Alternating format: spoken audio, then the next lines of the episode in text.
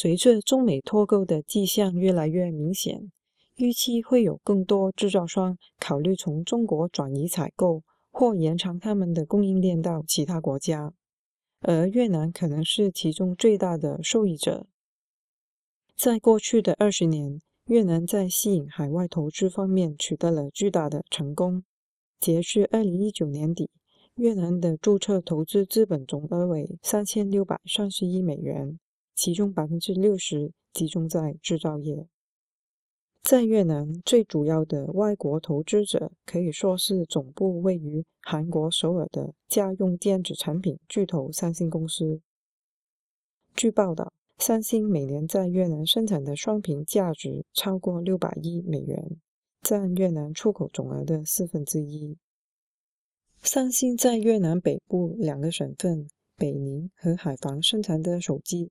占他们全球手机供应量的一半，许多其他大型电子制造商也在越南北部积极扩张，形成一个电子集群。除了电子制造商以外，其他行业也可以考虑越南北部作为一个替代的生产基地。除了明显的成本优势外，该地区还靠近中国南部。可以方便和快速的从华南地区供应原材料和零部件，可以看为是把中国发展成熟的供应链的一个延伸。具体来说，越南东北部的广宁省与中国南方的广西自治区接壤，而越南首都河内则距深圳和香港仅约八百七十公里。从越南北部的主要工业和港口城市海防到中国南方的东莞市之间的货车运输时间仅十二小时，非常方便运送时限紧迫的零部件。不过，在中越边境清关和更换货车需要额外的时间，因此实际运送时间还需要两到三天。尽管如此，业界预料。如果两地之间有足够的货运需求，当局将推出措施缩短清关时间。就海运而言，越南北部的港口和物流设施也正在迅速升级改良，货物可以直接运往国际市场。区内第一个深水港于二零一百年开始营运，并配备完善的基础设施和装卸技术。由于不再需要转运，这个深水港投入服务后，将到欧洲的海上运输时间从三十天减少到二十三天。同样，到美国东岸从三十五天减到二十七天，到美国西岸则从二十天减到十三天。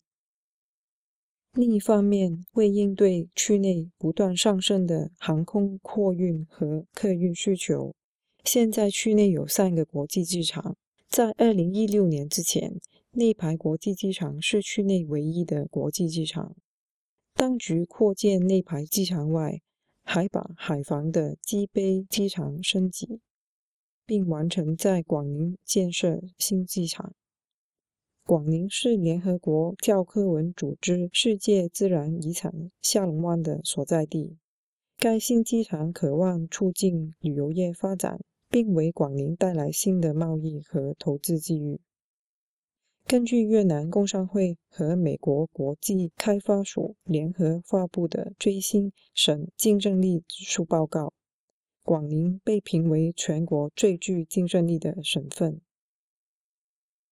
除了增强的外部连通性以外，越南北部还建立了一个全面的公路网，将越南的工业区。及其主要的运输节点连接起来，无疑这将促进该地区的未来发展，也为国际制造商和投资者带来巨大机遇。